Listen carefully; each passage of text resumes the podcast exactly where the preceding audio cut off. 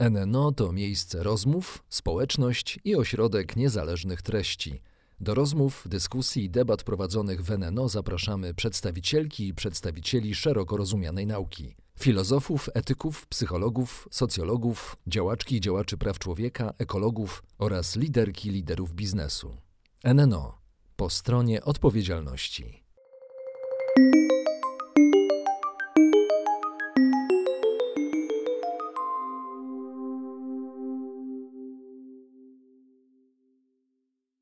Nazywam się Eliza Michalik i wiecie już Państwo, że dla Fundacji NNO w ramach projektu rozwijania, podkreślania odpowiedzialności społecznej prowadzę rozmowy z fantastycznymi ludźmi i rozmawiamy sobie o tym, jak żyć w tych współczesnych, wojennych, trudnych czasach. I dziś pani Joanna Flis, terapeutka, ale także autorka fantastycznego podcastu Madame Monday, który polecam. Ja słucham na Apple Podcast, ale można też na Spotify'u i innych e, platformach. Dzień dobry.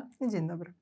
E, chyba nie będziemy udawać, że jesteśmy na ty. Poznałyśmy się przed wejściem do programu, ale, ale że, że jesteśmy na panie, ale już jesteśmy na ty. Zaprosiłam Cię po to, żeby porozmawiać o opowieściach, jakie snujemy o naszym życiu i o tym, czy właściwie to, co przeżywamy, jest tym, co przeżywamy, czy tym, co sobie opowiadamy o mhm. tym, co przeżywamy. Najpierw pomyślałam o tym w kontekście wojny na Ukrainie. Pomyślałam o tych Ukrainkach, bo to głównie kobiety, które tu przyjeżdżają, i pomyślałam, że one będą opowiadać o tym, co przeżyły swoim dzieciom. I czy to jest tak, że one i ich rodziny, ich dzieciaki są skazane na traumy? Czy też być może mogą sobie opowiedzieć inną opowieść? Na przykład nie opowieść, jak nas bardzo skrzywdzono, ale opowieść o tym, jak bohatersko e, walczyliśmy, żeby tej traumy nie było. I już oddaję Ci głos. To jest ten punkt wyjścia do tych rozważań o narracji, jaką sobie opowiadamy. Mhm. E, więc myślę, że tak, że żeby doszło do traumy, to musi być bezpośrednie zagrożenie życia.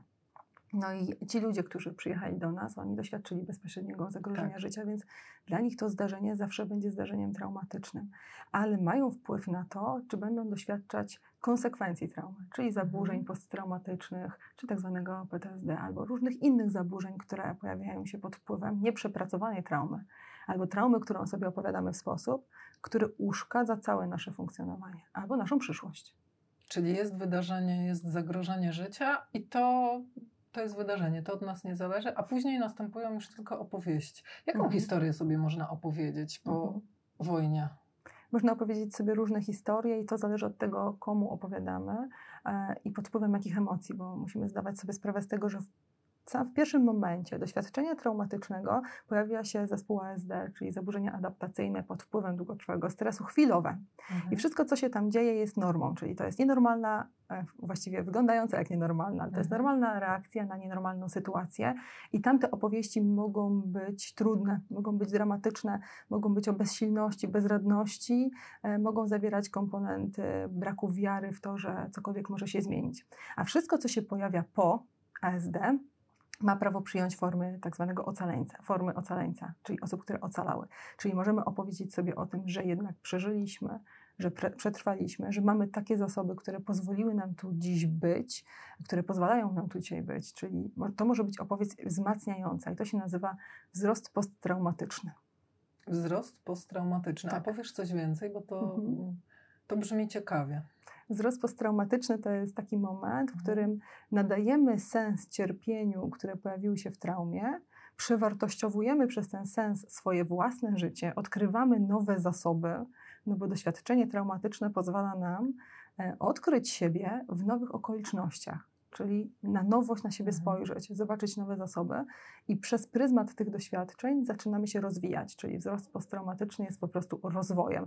Mm, w książce na przykład opowieść wigilijna mhm. główny bohater pod wpływem doświadczenia traumatycznego, czyli wizji śmierci, zalicza wzrost posttraumatyczny, czyli staje się bardziej otwartym, kochającym, współczującym, empatycznym człowiekiem. Na ile to od nas zależy? Na ile to jest tak, że no, przeżyję coś, na co nie mam wpływu i teraz czy naprawdę mam kontrolę nad tym, jak potoczy się dalej mój rozwój, moje życie, czy mogę sobie świadomie zacząć opowiadać jakieś historie, czy to jest takie no, bardzo biologiczne, wynika z, z, uwarunkowań, na które nie mam wpływu.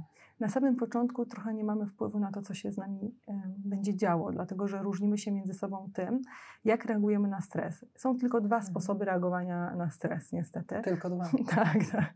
Trochę, trochę mało tutaj, mało możliwości wyboru, one też są zdeterminowane genetycznie, więc jak już jakąś mamy formę, to jej nie przeskoczymy. Mhm. To jest mhm. orientacja na działanie albo orientacja na emocje.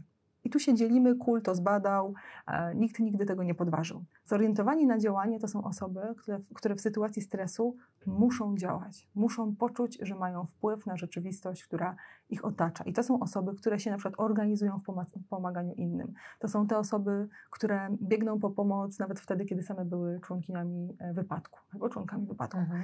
Mm, I tym osobom, jeżeli przeszkodzimy na początku traumy w organizowaniu sobie pomocy, no to mamy prawie jak w banku to, że rozwiną się zaburzenia adaptacyjne utrwalone. Mhm. I mamy drugą grupę, to jest grupa osób zorientowanych na emocje. To są osoby, które muszą najpierw wyrazić swój niepokój, swoją złość, powiedzieć kilka wulgaryzmów, albo po prostu się popłakać, albo pobić kogoś albo uderzyć głową w ścianę, jeżeli Ale to może być dramatyczne. też osoba, która po wypadku, bo widziałam coś takiego, mhm. siedzi i po prostu zakrywa głowę kocem i siedzi i rozumiem, że wbrew temu, jak to wygląda, to może być bardzo zdrowy. Zachowanie. To jest właśnie bardzo zdrowe, bo ona w tym momencie wyraża emocje, ten stupor, który się pojawia mhm. w takich zdarzeniach, to otępienie albo niechęć do werbalizowania różnych rzeczy, tylko takie acting outowe zachowania, czyli na przykład ktoś trzaska drzwiami albo zamyka się w pokoju, albo nie chce podejmować kontaktu, czy co często widzieliśmy u, u uchodźców wojennych, którzy do nas tak. E, przyjechali. E, to jest za, zachowanie adaptacyjne, dlatego mówiłam, że wszystko to, co się pojawia na początku, nawet jeżeli jest nienormalne, w taką mhm. myśl codziennych norm, to jest normalne dla tej nienormalnej sytuacji. I tutaj to jest ważne, żebyśmy pozwolili ludziom reagować tak, jak oni potrzebują reagować, żeby zapobiec e, ewentualnym traumom.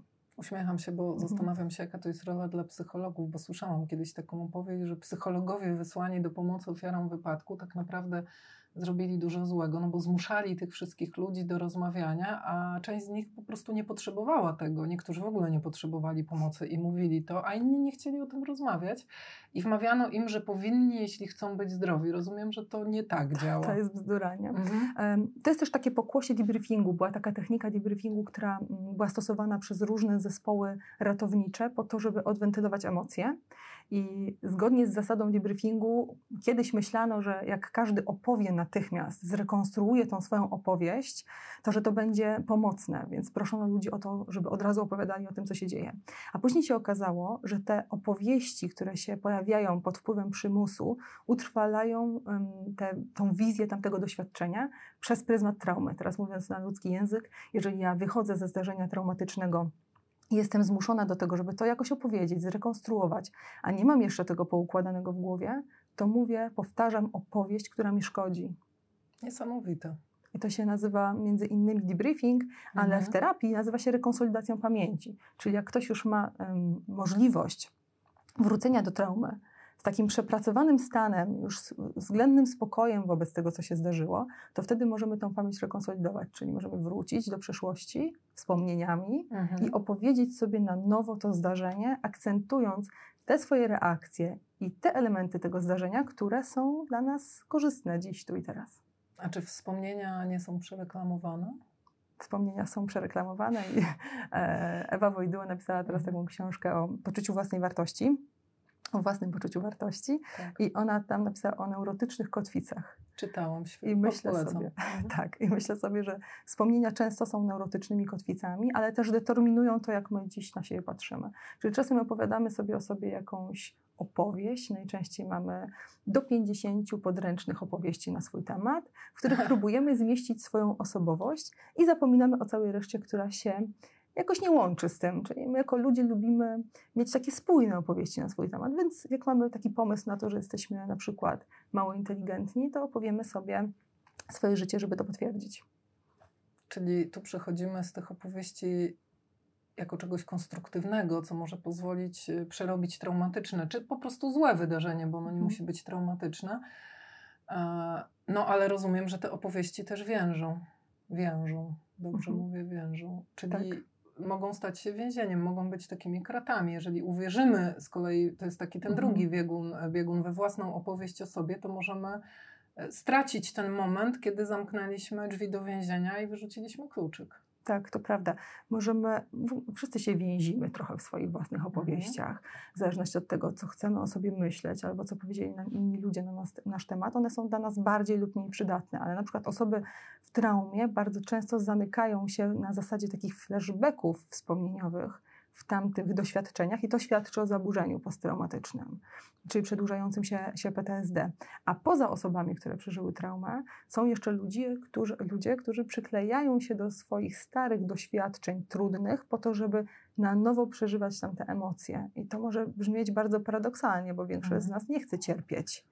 Ale mamy taką ludzką przypadłość, że sobie to cierpienie fundujemy wielokrotnie, wracając do starych traum, bo one co prawda są bolesne, ale są znane, są dużo bezpieczniejsze niż to, co dzieje się tu i teraz. Skąd mam wiedzieć, y, gdzie zaczyna się rzeczywistość, a gdzie moja opowieść na mój temat? Co, czy, czym jestem ja prawdziwa, kim jestem ja prawdziwa, a gdzie jest to, co sobie od lat o, so, o sobie opowiadam? Profesor Maruszewski powiedział, że e, poznajemy siebie po tym, jaką mamy biografię, czyli pamięć autobiograficzna pozwala nam rozpoznawać siebie.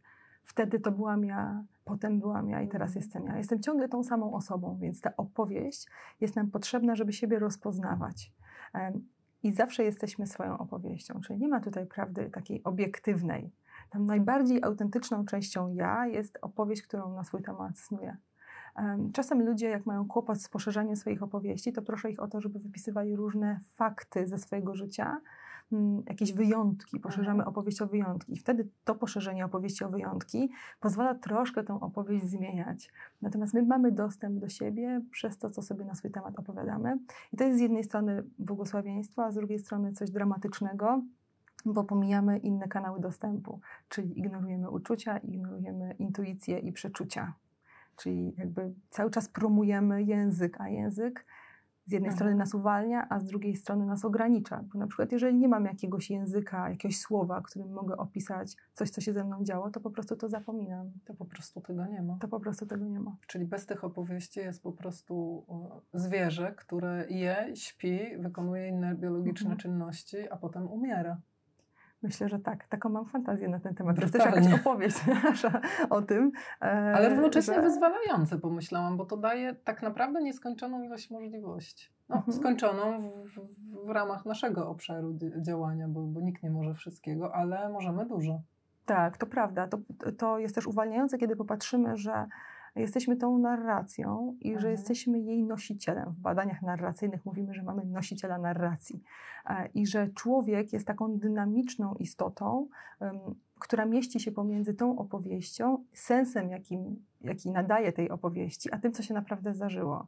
I że tak naprawdę nie ma czegoś takiego, no, tak naprawdę to jest, złe określenie, ale że nie ma czegoś takiego jak e, prawda obiektywna, są tylko nasze umowy co do tego, kim jesteśmy, jakie jest życie i to też jest w pewnym sensie uwalniające, szczególnie wtedy, kiedy te umowy są dla nas krzywdzące. Czyli gdybyśmy miały dwie uchodźczynie, na przykład z Ukrainy, z małymi dziećmi i jedna będzie mówić swojej córce, powiedzmy, o Boże, napadli nas, jakie to straszne, zabili nam rodzinę, tatuś zginął, mamy zgwałcili, zgwałcili, to po prostu okropne, nigdy się z tego nie podniosę, to to dziecko wyrośnie na zupełnie inne dziecko niż dziecko mamy, która w tej samej historii powiedziała: brutalnie nas napadli, ale broniliśmy się dzielnie, tata zginął, ale broniąc dzielnie swojej ojczyzny. Jestem z niego dumna. Zobacz, dobrzy ludzie nam pomogli, dałam mhm. sobie tu radę, wychowałam ciebie. Zawsze z każdej sytuacji można wyjść. Rozumiem, że to przełoży się na życie tych dzieci i na, na to, co one opowiedzą swoim dzieciom. Tak, jasne. Też poinformowanie dziecka o tym, że nigdy e, sobie z tym nie poradzę, to jest Aha. Mhm. delegowanie tego dziecka do opieki nad sobą. Więc musimy wziąć też pod uwagę to, że po pierwsze te opowieści kształtują stosunek do świata, czyli to drugie dziecko e, może mieć ten stosunek bardziej sprawczy, z większym poczuciem jednak ufności co do tego, że istnieją na tym świecie dobrzy ludzie. E, a to pierwsze dziecko może mieć takie poczucie, że świat jest całkowicie skończenie złym miejscem e, i że są takie doświadczenia mojego rodzica, które sprawiają, że muszę stać się ja jego rodzicem, czyli doświadczam parentyfikacji. Bo my często naszymi traumami mhm. tak, delegujemy nasze dzieci do opieki nad sobą. Zwalniamy się z roli rodzica dzięki e, opowiadaniu w taki sposób o swoim życiu, o swoich traumach, więc też trauma dziedziczona w ten sposób działa. Czasem mamy kilka pokoleń, które odpracowują tą Mhm. traumę albo em, pracują wokół tej traumy. Ona się centralizuje, staje się najważniejszym punktem odniesienia dla każdego członka tej rodziny, nawet jeżeli nie było go w tym samym okresie życia. A przed wejściem tutaj na antenę chciałam powiedzieć, przed nagraniem, powiedziałaś mi coś, co mnie zaintrygowało, że rozwój e, największy odbywa się jak? Przez takie wyjątkowe doświadczenia, a nie te powtarzalne. Myślałam, że jest zupełnie odwrotnie, Mhm. niespecyficzne. Mamy rozwój podstawowy, który rozwija się pod wpływem tego, co jest często w naszym życiu, ale mamy jeszcze takie momenty w naszym życiu, które są momentami zwrotnymi, albo momentami, w którym załamuje nam się cała nasza perspektywa, albo momentami, które wywo- wywołują w nas szczególne emocje. I te niespecyficzne doświadczenia kształtują nas najbardziej. Czyli można powiedzieć, że ważna jest baza, Mhm. ale ta, i ta baza, jak jest zdrowa, to może mnie uchronić w sytuacji doświadczenia niespecyficznego, ale najbardziej zbudują mnie te doświadczenia, które nie mieszczą mi się w moim świecie. Bo na przykład wojna nam się nie mieściła w Ale- świecie. Dlaczego? Dlaczego Mhm. niespecyficzne wydarzenia kształtują nas najbardziej? No wydawałoby się, że to, co powtarzamy często, buduje te ścieżki neuronowe w naszym Mhm. mózgu i to jest takie... I to jesteśmy my, więc jakim cudem coś, co przydarzy się raz, może nas ukształtować bardziej? Jak to No działa? właśnie, to zależy jak na to spojrzymy, bo Mhm. Wszystkie zautomatyzowane zachowania e, zwalniają trochę naszą energię i my nie jesteśmy taki, tacy uważni, jak to robimy. To jest bezrefleksyjne działanie. I to jest nam potrzebne, żebyśmy mieli energię na inne rzeczy. Ale jak spojrzymy na przykład przez pryzmat mm, psychoterapii transpersonalnej, Mhm. która mówi o tym, że e, mamy w sobie wiele różnych osobowości, nie tylko tą jedną. Mamy wiele różnych możliwości, nie tylko tą jedną. To doświadczenie niespecyficzne będzie takim momentem, które wywołuje nas do odpowiedzi z nowym zachowaniem. Czyli poznaje siebie na nowo. Ono Mhm. mnie zmienia. Coś, czegoś się uczę. Dla niektórych na przykład pierwsza miłość jest takim doświadczeniem niespecyficznym. Ona zmienia. Uczę się, że mogę kochać albo ktoś może mnie fascynować. Ale na przykład wojna również może być doświadczeniem niespecyficznym. Ona nas wszystkich zatrzymała. Ona sprawiła, że my podważyliśmy dotychczasowy światopogląd, a później zaczął się proces adaptacji, ale jakby rozwinęliśmy się dzięki temu. To jest właśnie to doświadczenie, które nas zmieniało, zmieniło. Czyli za każdym razem, jak, gdy nie, doświadczenie niespecyficzne mnie na nowo kształtuje albo Mhm. ustawia do życia, to to jest najmocniejsze doświadczenie. A czy jest taki moment, w którym człowiek może powiedzieć, że się zna? Mam nadzieję, że nie. Wiem, ja, Eliza, znam siebie, wiem mniej więcej, jak reaguję, tak, jakbym zareagowała. Ja słyszę często ludzi, którzy mówią, no mnie, gdyby tam, nie wiem, mąż zdradził, albo gdyby mnie napadnięto, to ja bym zrobiła to i to.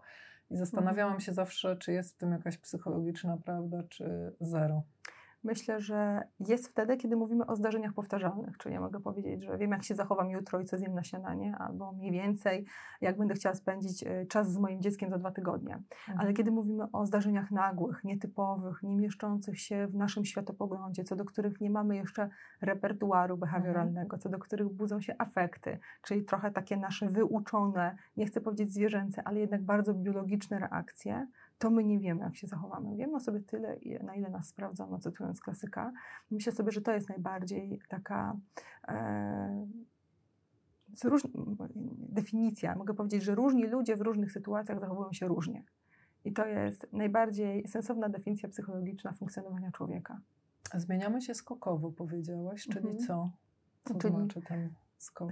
Tak, czyli to jest trochę tak, że jak patrzymy na małe dziecko i ono raczkuje, nie wiemy jeszcze, że pod spodem buduje się wszystko, co jest potrzebne do tego, żeby zaczęło chodzić, do momentu, w którym ono po prostu się pio- pionizuje albo robi pierwszy krok.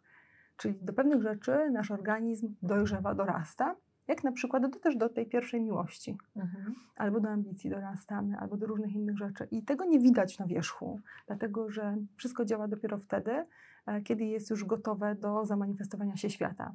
E, W ogóle rzeczywistość neuronalna jest trochę brutalna i Mhm. przewodnictwo ma miejsce tylko wtedy, kiedy docierają wszystkie neuroprzekaźniki. To znaczy, że jak chcę naładować telefon baterią, która ma kabelek, w którym jest tysiąc kabelków i jeden jest przerwany, to ja nie naładuję tego telefonu. I tak samo jest z naszym mózgiem i z całą resztą naszego e, ośrodkowego i centralnego układu nerwowego. Czyli musi być dojrzały układ nerwowy do pewnych perspektyw, pewnego przeżywania, myślenia, żeby to zaskoczyło. Więc my na pewne odkrycia e, wpadamy dopiero, kiedy nasz mózg dojrzeje. Na przykład na empatię. Empatia jest takim przykładem. No. Do czwartego roku życia e, nie mamy empatii. No bo płaty czołowe nie pracują jeszcze na takim poziomie, na jakim powinny. Więc perspektywa trzylatka jest taka, że nie jest w stanie wyobrazić sobie, co może czuć ktoś inny. Ale perspektywa pięciolatka zaczyna się zmieniać, bo mózg już dojrzał. I skokowo zaczynamy zauważać, że taki pięciolatek zauważa na przykład, że mama jest zmęczona i mhm. reaguje na to empatycznie. Ale dla mnie to, co mówisz, to też oznacza, to jest bardzo mm, dobre, tak to postrzegam, bo to oznacza, że nie wolno się poddawać, bo to oznacza, że nawet jeśli chcę dokonać jakiejś mhm. zmiany w moim życiu i podejmuję szereg małych działań, które wydają się nie przynosić efektów, bo czasem tak jest. Jasne. Robię jakąś mikrozmianę, która chciałam, żeby przyniosła makroefekt, no ale robię, robię, robię i nic. Rozumiem, że to może być tak, że to nie jest nic, to wygląda jak nic, ale któregoś dnia ni z tego nizowego wstanę i coś się zmieni. Tak, ja, ja to obserwuję w terapii. Czyli Mhm. codziennie pracując z ludziom, bo, ludźmi, bo mam taki przywilej właśnie otrzymywania tych opowieści o życiu, Tak. e, co- codziennie obserwuję, że mielimy różne rzeczy, oglądamy z różnych perspektyw, na różne sposoby się do tego zbliżamy, po czym taka osoba przychodzi któregoś dnia i mówi, że podjęła decyzję o tym, że zmienia pracę, albo podjęła decyzję o tym, że wychodzi z toksycznego związku, albo podjęła decyzję nagle, otworzyła oczy i podjęła decyzję o tym, że chce stać na własnych nogach. Albo dotarło do mnie, że ma cechy syndromu DDA. Nagle, nie? Po Mhm. pięciu miesiącach psychoedukacji na ten temat. Dziś to poczułam, nie? Czyli nasza świadomość dopuszcza, bo my żyjemy sobie w takim kokpicie samolotu, w tej świadomości Mhm. i my tutaj mamy dopuszczone tylko te treści, do których już dojrzeliśmy. Nasza psychika podoba. nic nam nie zafunduje Czyli więcej. takie małe ja siedzące w środku tego ciała, taki pilot siedzący Tak. w kokpicie i zawiadujący tym samolotem. Jesteśmy w stanie na przykład wrócić do traum, tylko tych, które jesteśmy w stanie dźwignąć. Więc Mhm. na przykład siłowe wracanie do starych wspomnień po to, żeby to rozdzierać, e, jest bardzo brutalnym i niezdrowym zachowaniem. Czyli jak nasza psyche, tak to nazwijmy, uzna, że już jesteśmy w takim miejscu, że możemy tego dotknąć, to nam to udostępni. Jeżeli nam tego nie udostępnia, to znaczy, że to nie jest jeszcze ten moment. Czyli jest głęboki sens, żeby nie opowiadać e, czegoś o sobie komuś, kto próbuje to z ciebie wyciągnąć na siłę. Po prostu jak nie Mhm. chcesz mówić, to nie mówisz i tyle. Tak, z jakiegoś powodu nie mówimy, z jakiegoś powodu e, nie jesteśmy w stanie jeszcze tego nazwać, Mhm. albo jest to dla nas zbyt intymne, żeby móc dzielić się z innymi. Czasem jest tak, że to jest e, już toksyczne, czyli nie mówię przez wiele lat i to, że Mhm. nie mówię, chroni w jakiś sposób tą traumę przed przepracowaniem, albo nie mówię, bo czuję się lojalny wobec na przykład mojej rodziny pochodzenia, o której nie chcę mówić. To też się zdarza u osób z syndromem DDA. Natomiast jeżeli ktoś z nas wyciąga jakieś cząstki nas, a my tego nie chcemy, to znaczy, że to nie jest ten moment. Musimy szanować też to, do czego nie mamy dostępu. Nasza psychika um, wykonuje bardzo ciężką pracę pod spodem, po to, żebyśmy my sobie w tym kokpicie mogli względnie dobrze żyć. A dlaczego my sobie opowiadamy takie, a nie inne opowieści? Co, co Mhm. na to wpływa, jakie opowieści sobie opowiadamy? Mm, Przede wszystkim wpływa na to, to, jak opowiadali sobie nasi bliscy o sobie, czyli uczymy się pewnych narracji, tendencji do interpretacji świata, po prostu się Mhm. tego uczymy. E, Też sły, słyszymy o sobie różne rzeczy i temu wierzymy albo nie. E, I najczęściej mamy ukrytą teorię na swój temat, jakąś ukrytą tezę, którą próbujemy potwierdzić, i z tych Mhm. miliardów doświadczeń wybieramy te, które potwierdzają tą tezę. I jak jesteśmy szczęśliwcami i uwierzyliśmy w tezę, która nas buduje, no to mamy szansę obejrzeć swoje życie przez pryzmat wdzięczności, dumy, e, zadowolenia z siebie. A jeżeli mamy pecha i uwierzyliśmy e, w coś naprawdę niefajnego na swój temat, to tak poprowadzimy tą opowieść, żeby wyostrzyć te zachowania. Więc to zależy od tego pod spodem, co ukryte mamy Ale jakie temat. ślady prowadzą do tego pod spodem? To znaczy, gdybym teraz chciała dojść do tego, jaką mam ukrytą teorię, Mhm. ukrytą, więc rozumiem, że ona gdzieś tam siedzi, nie jestem świadoma, to czy są jakieś tropy, które mnie prowadzą do tego? No, warto sobie opowiedzieć najpierw tą historię, Mhm. czyli spisać sobie taką biografię własnego życia, a później zobaczyć, jaki jest wątek przewodni. Jakie informacje na mój temat to zdradza, jakie tezy to potwierdza i skąd ja to wiem. Zresztą jak jesteśmy tu i teraz, to pewnie każdy z nas byłby w stanie przywołać sobie takie podstawowe tezy, które mam na swój własny temat. Albo patrzę, jaka jest melodia tej opowieści. Na przykład melodia tej opowieści jest taka, że zawsze opowiadam o moich porażkach Mhm. albo koncentruję się tylko na tym, że jestem zależna od innych, albo na tym, że świat jest zły. Czyli warto sobie usiąść i po prostu zrobić tą biografię, e, wtedy zobaczysz. Albo dać ją komuś do przeczytania. Jeżeli napiszesz swoją biografię i dasz jej drugiej osobie, żeby ci ją przeczytała, To wyłapie te punkty takie To wystające cypelki, tak? tak, to od razu złapiesz. To też w terapii dla nas, terapeutów, jest czytelne. Czyli przychodzi Mhm. człowiek, który od początku coś o sobie opowiada. Przychodzi i zaprasza na pierwszą sesję jakąś opowieść o sobie i to może być opowieść o dramatycznym dzieciństwie, bo to może być też opowieść o tym, że już jednak nie potrzebuje leczenia. Nie wiem, dlaczego się tutaj znalazłem, tak? Ale ta opowieść jest czymś, co ze sobą przynosimy do każdej relacji i wystarczy po prostu to tak em, zauważyć w pewnym momencie, wyostrzyć Mhm. się na to. Jeżeli ktoś daje mi komplement i ja mówię, że ojeju, nie, to jakby e, nie jest o mnie dzisiaj, albo nie przyjmuję tego komplementu, to też jest jakaś opowieść o mnie. Więc bądźmy uważni na to, e, co sprzedajemy innym na swój temat po prostu. Jak myślę o tych opowieściach, to myślę, jak bardzo my Polacy zmieniliśmy opowieść o sobie, właśnie pomagając uchodźcom. To było na pewno, to zauważyłaś, to było Tak, niesamowite. Tej interwencja pory sobie, terapeutyczna. prawda? Tak? Autoterapeutyczna, zbiorowa interwencja. Owszem, to też pokazuje, Mhm. że mm, żyjemy w takim świecie, w którym istnieje wiele ró- równouprawnionych opowieści Tak. na nasz temat, ale my jakąś wybieramy zbiorowo, żeby jakoś siebie widzieć, bo przecież w tym samym czasie dzieły się też inne rzeczy na innej części naszej granicy. A tak szczerze to, no tak, to Mhm. prawda. Jak, jak sądzisz, że skończy się ta opowieść o bohaterskich Polakach pomagających uchodźcom z Ukrainy, czy uchodźczyniom, bo to głównie kobiety? Ja się boję, e, że jak już nie można będzie na tej opowieści budować poczucia wartości, e, to ona się przekształci. Czyli boję się takiego momentu, w którym uchodźcy zaczną czuć się u nas dobrze i domagać się swoich praw, do czego Mhm. mają prawo i czego im życzę. I boję się, że wszyscy ci, którzy karmili się opowieścią o swojej wielkości, w tym momencie poczują się zdradzeni, oszukani.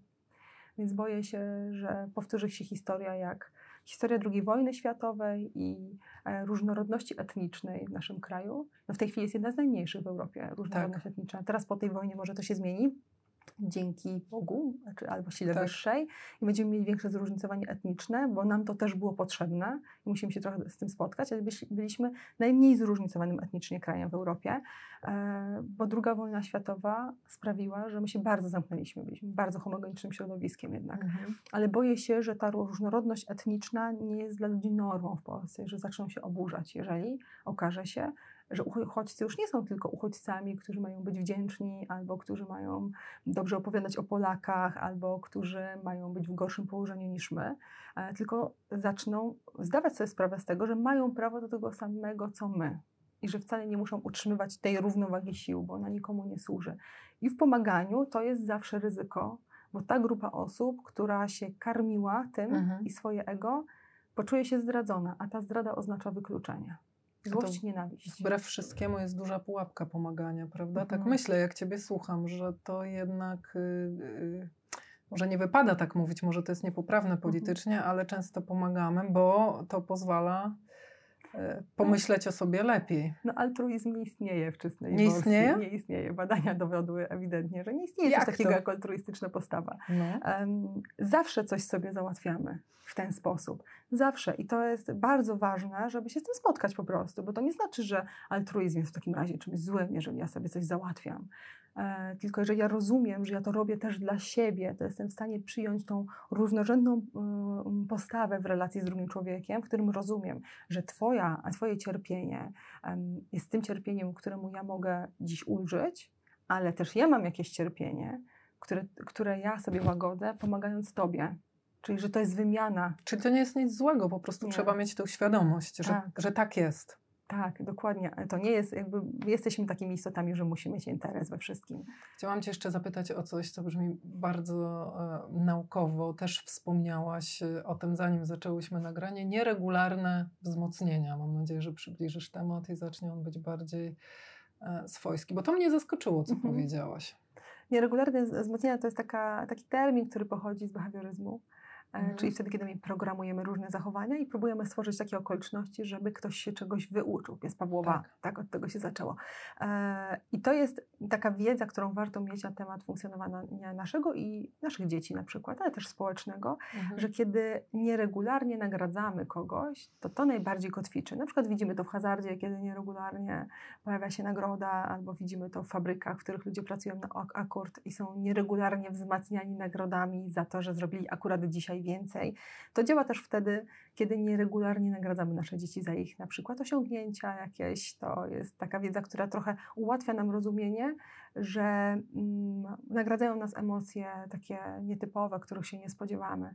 Że jeżeli spodziewamy się regularnie tego, co będzie miało miejsce, to niestety to aż tak bardzo nas nie kotwiczy. Ale już pamiętam teraz, jak mówisz, dlaczego chciałam o tym mhm. powiedzieć, dlaczego to mną wstrząsnęło nawet w dziedzinie relacji międzyludzkich, związków, ale też stosunków społecznych, bo to tak naprawdę oznacza, popraw mnie, mhm. jeśli się mylę, że bycie tak zwanym dobrym człowiekiem albo dobrą dziewczyną w związku, która jest taka miła i zawsze wzmacnia regularnie, pozytywnie tego partnera czy partner, partnerkę i tak dla wszystkich jesteśmy tacy dobrzy, to tak naprawdę działa odwrotnie, bo ludzie przestają to doceniać. Dużo to bardziej tak. doceniana będę, rozumiem, i każdy z Państwa, jeżeli Będę... nasze nagrodzenie będzie spontaniczne i od czasu do czasu. Tak, jeżeli będzie mhm. szanowało też nasze zasoby, bo z relacją jest trochę tak jak z masłem, mhm.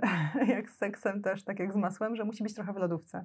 Mhm. Więc jeżeli ja codziennie mówię kocham, kocham, kocham, jesteś dla mnie wyjątkowy, no to to nie wzmacnia już w taki sposób, jak wtedy, kiedy robię to w wyjątkowych sytuacjach. E, też myślę sobie, że między ludźmi musi być też taki trochę margines zaskoczenia i jak jesteśmy w długich, wieloletnich związkach, które są jednak dyktaturą schematu, no tak, e, i trudno tego nudą, mhm. E, to rzeczywiście nieregularne wzmocnienia tutaj też robią, robią robotę. Czyli rutyna tak, ale czasami coś ekstra. I to jest, rozumiem, takie uniwersalne prawo, mhm. które, czy do polityki też to można zastosować? Myślę, że tak, że takie mhm. nieregularne mhm. momenty, w których e, politykowi udaje się zrobić e, wrażenie na reszcie, mhm. są bardziej kotwiczące niż wtedy, kiedy on robi wrażenie codziennie. Na przykład jako kobiety znamy taką sytuację, na przykład idziemy na jakąś imprezę, akurat szczególnie wyglądamy i szczególnie jesteśmy ubrane i to nieregularne wzmocnienie wow. nas nagradza. To jest ten efekt wow. Ale jeżeli będę chodzić tak codziennie, to, to już na nikim nie robi wrażenia. Zmieniłaś moje życie. Nie wiem, czy jesteś tego świadoma. Dziś wyjdę stąd jako inna osoba. Tomku, kochanie, przepraszam, ale nasz związek będzie wyglądał W lodówce. Nie, w lodówce, tak. Nie, niesamowite to jest, chociaż wydaje się to logiczne, kiedy o tym mówisz, ale... Mm, nie, nie, ma w tym takiej instynktownej uczciwości. Ja to mówię uczciwości w cudzysłowie, ale mówię na podstawie też wielu rozmów z kobietami, też w mhm. Radiu Nowy Świat prowadzę te rozmowy i to jest takie pytanie, które mną zawsze wstrząsa, dlatego cię o to pytam, bo dużo dziewczyn ale i facetów, ale dziewczyn więcej na przykład słucha tych audycji i potem piszą takie pytania typu, dlaczego mnie to spotkało na przykład w relacji? Ja byłam taka dobra, ja zawsze tylko wszystko dobrze i on mhm. zawsze wiedział, że go kocham, ale to też można przenieść właśnie na politykę, na stosunki społeczne, a to jest odpowiedź. Mhm, to, to właściwie nie ma znaczenia, czy jesteśmy dobre, czy nie. Mhm. Ale to jest jakby jedna rzecz. Druga rzecz jest taka, że jeżeli rzeczywiście robimy coś regularnie, cały czas, codziennie, to to się automatyzuje i po prostu nie przykuwa naszej uwagi, czyli nie robi, robi mhm. takiego wrażenia. Też myślę sobie, że jeżeli jesteśmy tak codziennie, takie dobre, to znaczy, że nie szanujemy swoich granic, bo po prostu się nie da. Bo w mhm. normalnych relacjach międzyludzkich konflikt jest rozwojowy, czyli jest na porządku dziennym. Jeżeli jest związek, w którym nie ma konfliktów, to znaczy, że dziewczyno nie dbasz o siebie i swoje Jesteś granice. pewna, że konflikt jest rozwojowy? No tak. No bo uczą nas, zwłaszcza politycznie, społecznie, czego innego, że powinna mhm. być zgoda narodowa, mhm. E, że powinniśmy się wszyscy zgadzać, unikać konfliktów, bo to, co dzieli, jest niedobre. To są nawet znane hasła polityczne, że no. połączmy Polaków, bądźmy jednością. Czyli nie. Istnieją takie kultury, jak kultura e, Japonii na przykład, gdzie jest kultura kolektywu, gdzie rzeczywiście ta wspólnota ma większe znaczenie hmm. niż kultura sporu, w której my żyjemy, bo my żyjemy w rzeczywiście żyjemy w dychotomicznej, sporów, tak, tak? w kulturze hmm. sporu. Ale to nie znaczy, że wspólnota oznacza takie jałowe miejsce, w którym nikt nie ma innego poglądu. Jak spojrzymy na fazy rozwoju grupy, a każda grupa rozwija się fazowo i każda tak samo, e, to pierwsza faza to jest faza budowania bezpieczeństwa. Wszyscy się lubimy, jesteśmy dla siebie mili i się nie, różni, nie różnicujemy unikamy konfliktu. E, no i jak taka grupa nie wyjdzie z tej fazy, to już nic więcej nie osiągnie. Kolejna faza to jest faza właśnie konfliktów, różnicowania. I e, konfliktów nie myślę sobie o takim momencie, w którym rzeczywiście musimy się zawsze przekonać do swojej racji, e, tylko konflikt pozwala nam podejść do dialogu z drugim człowiekiem z takim założeniem, że mogę się czegoś od niego nauczyć.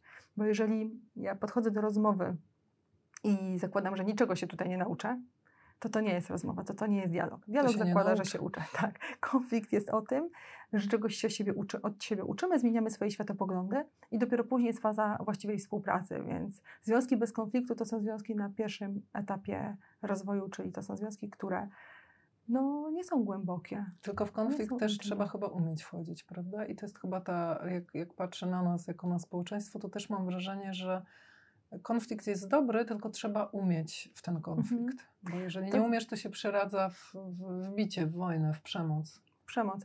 To zależy, co ma być efektem konfliktu. Bo jeżeli e, żyjemy w takim dogmatycznym środowisku i szukamy samych odpowiedzi dogmatów, to jest mhm. charakterystyczne dla konserwatywnej postawy, tak przywiązanej do odpowiedzi, no to rzeczywiście każdy konflikt będzie generował wojnę o dogmat. Ale jeżeli pozwolimy sobie na życie w bardziej liberalnym e, środowisku, czyli tam, gdzie wystarczą pytania, to jeżeli konflikt możemy zakończyć stawianiem sensownego pytania, które nas łączy, to będzie ok. Na koniec e, nie widzę tego, ale mam nadzieję, że się mylę. I na koniec chcę Cię zapytać o Tao, bo zaskoczyłaś mnie mhm. wspominając o tym regularnie dość w swoich podcastach i coś tam gdzieś czytałam i znałam, ale tak naprawdę nic e, o tym nie wiem. Mhm. Opowiedz coś o tym, co to, co to za ścieżka, bo rozumiem, że to ścieżka rozwoju duchowego, którą podążasz. Tak. To Może jest, przyda się nam wszystkim. To jest e, ścieżka rozwoju duchowego, odłam buddyzmu, tak?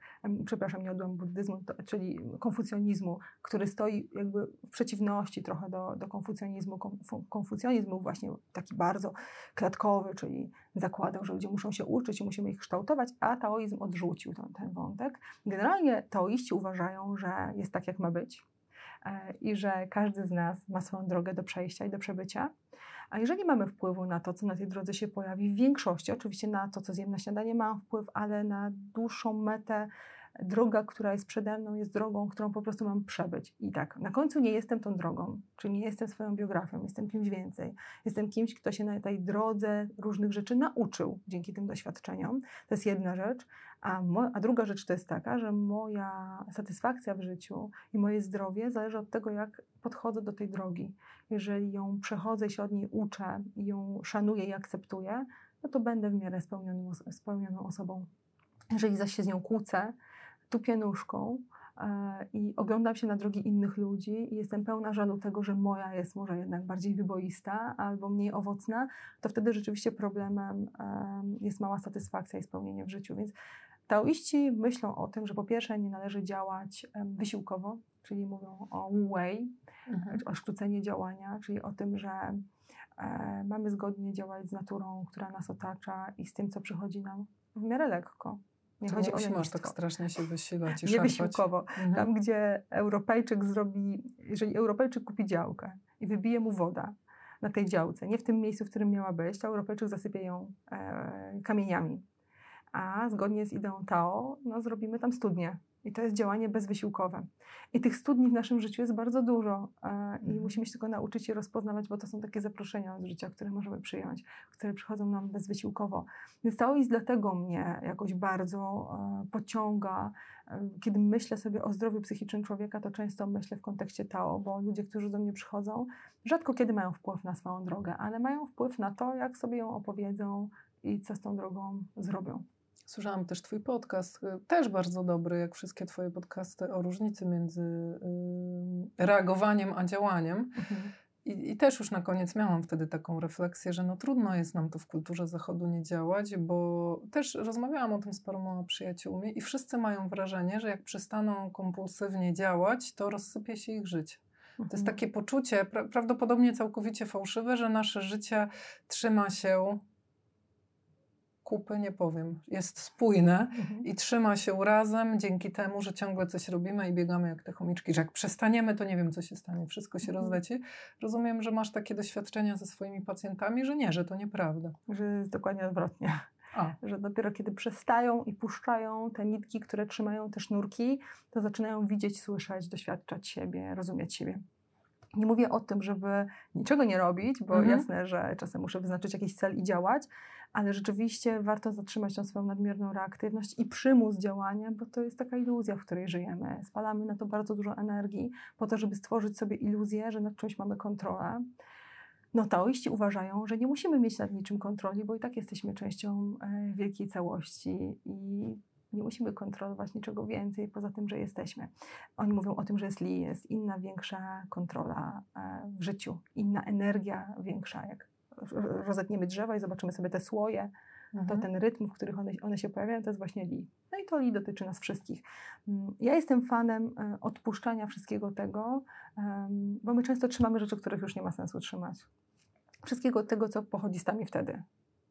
Tam i wtedy. Czyli Mhm. mogę się trzymać czegoś z przodu, za czymś podążać, zmierzać, pod warunkiem, że jestem w stanie zrezygnować, jak, jak zareaguję, że mi to nie, znaczy jak zauważę, że mi to nie służy, bo rzeczywiście os- osoby sprawcze, są takie badania, które pokazują, że osoby sprawcze ponoszą większe koszty tego, że nie puszczają, niż ci, Mhm. którzy nie robią nic i są niesprawczy.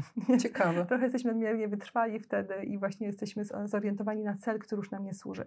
Więc może mogę się trzymać tu z przodu pod warunkiem, że mogę puścić i że to nic nie zmienia w moim życiu, e, a to, co z tyłu puszczam, po prostu odpuszczam, zostawiam, nie taszczę ze sobą, bo nie ma po co, bo to jest iluzja, to jest pozorne działanie, tak zwane pozorne działanie. Pozorne działanie. Tak. No dobrze, to o tym już następnym razem pewnie zaproszę Joannę Flis jeszcze do radia i sobie porozmawiamy.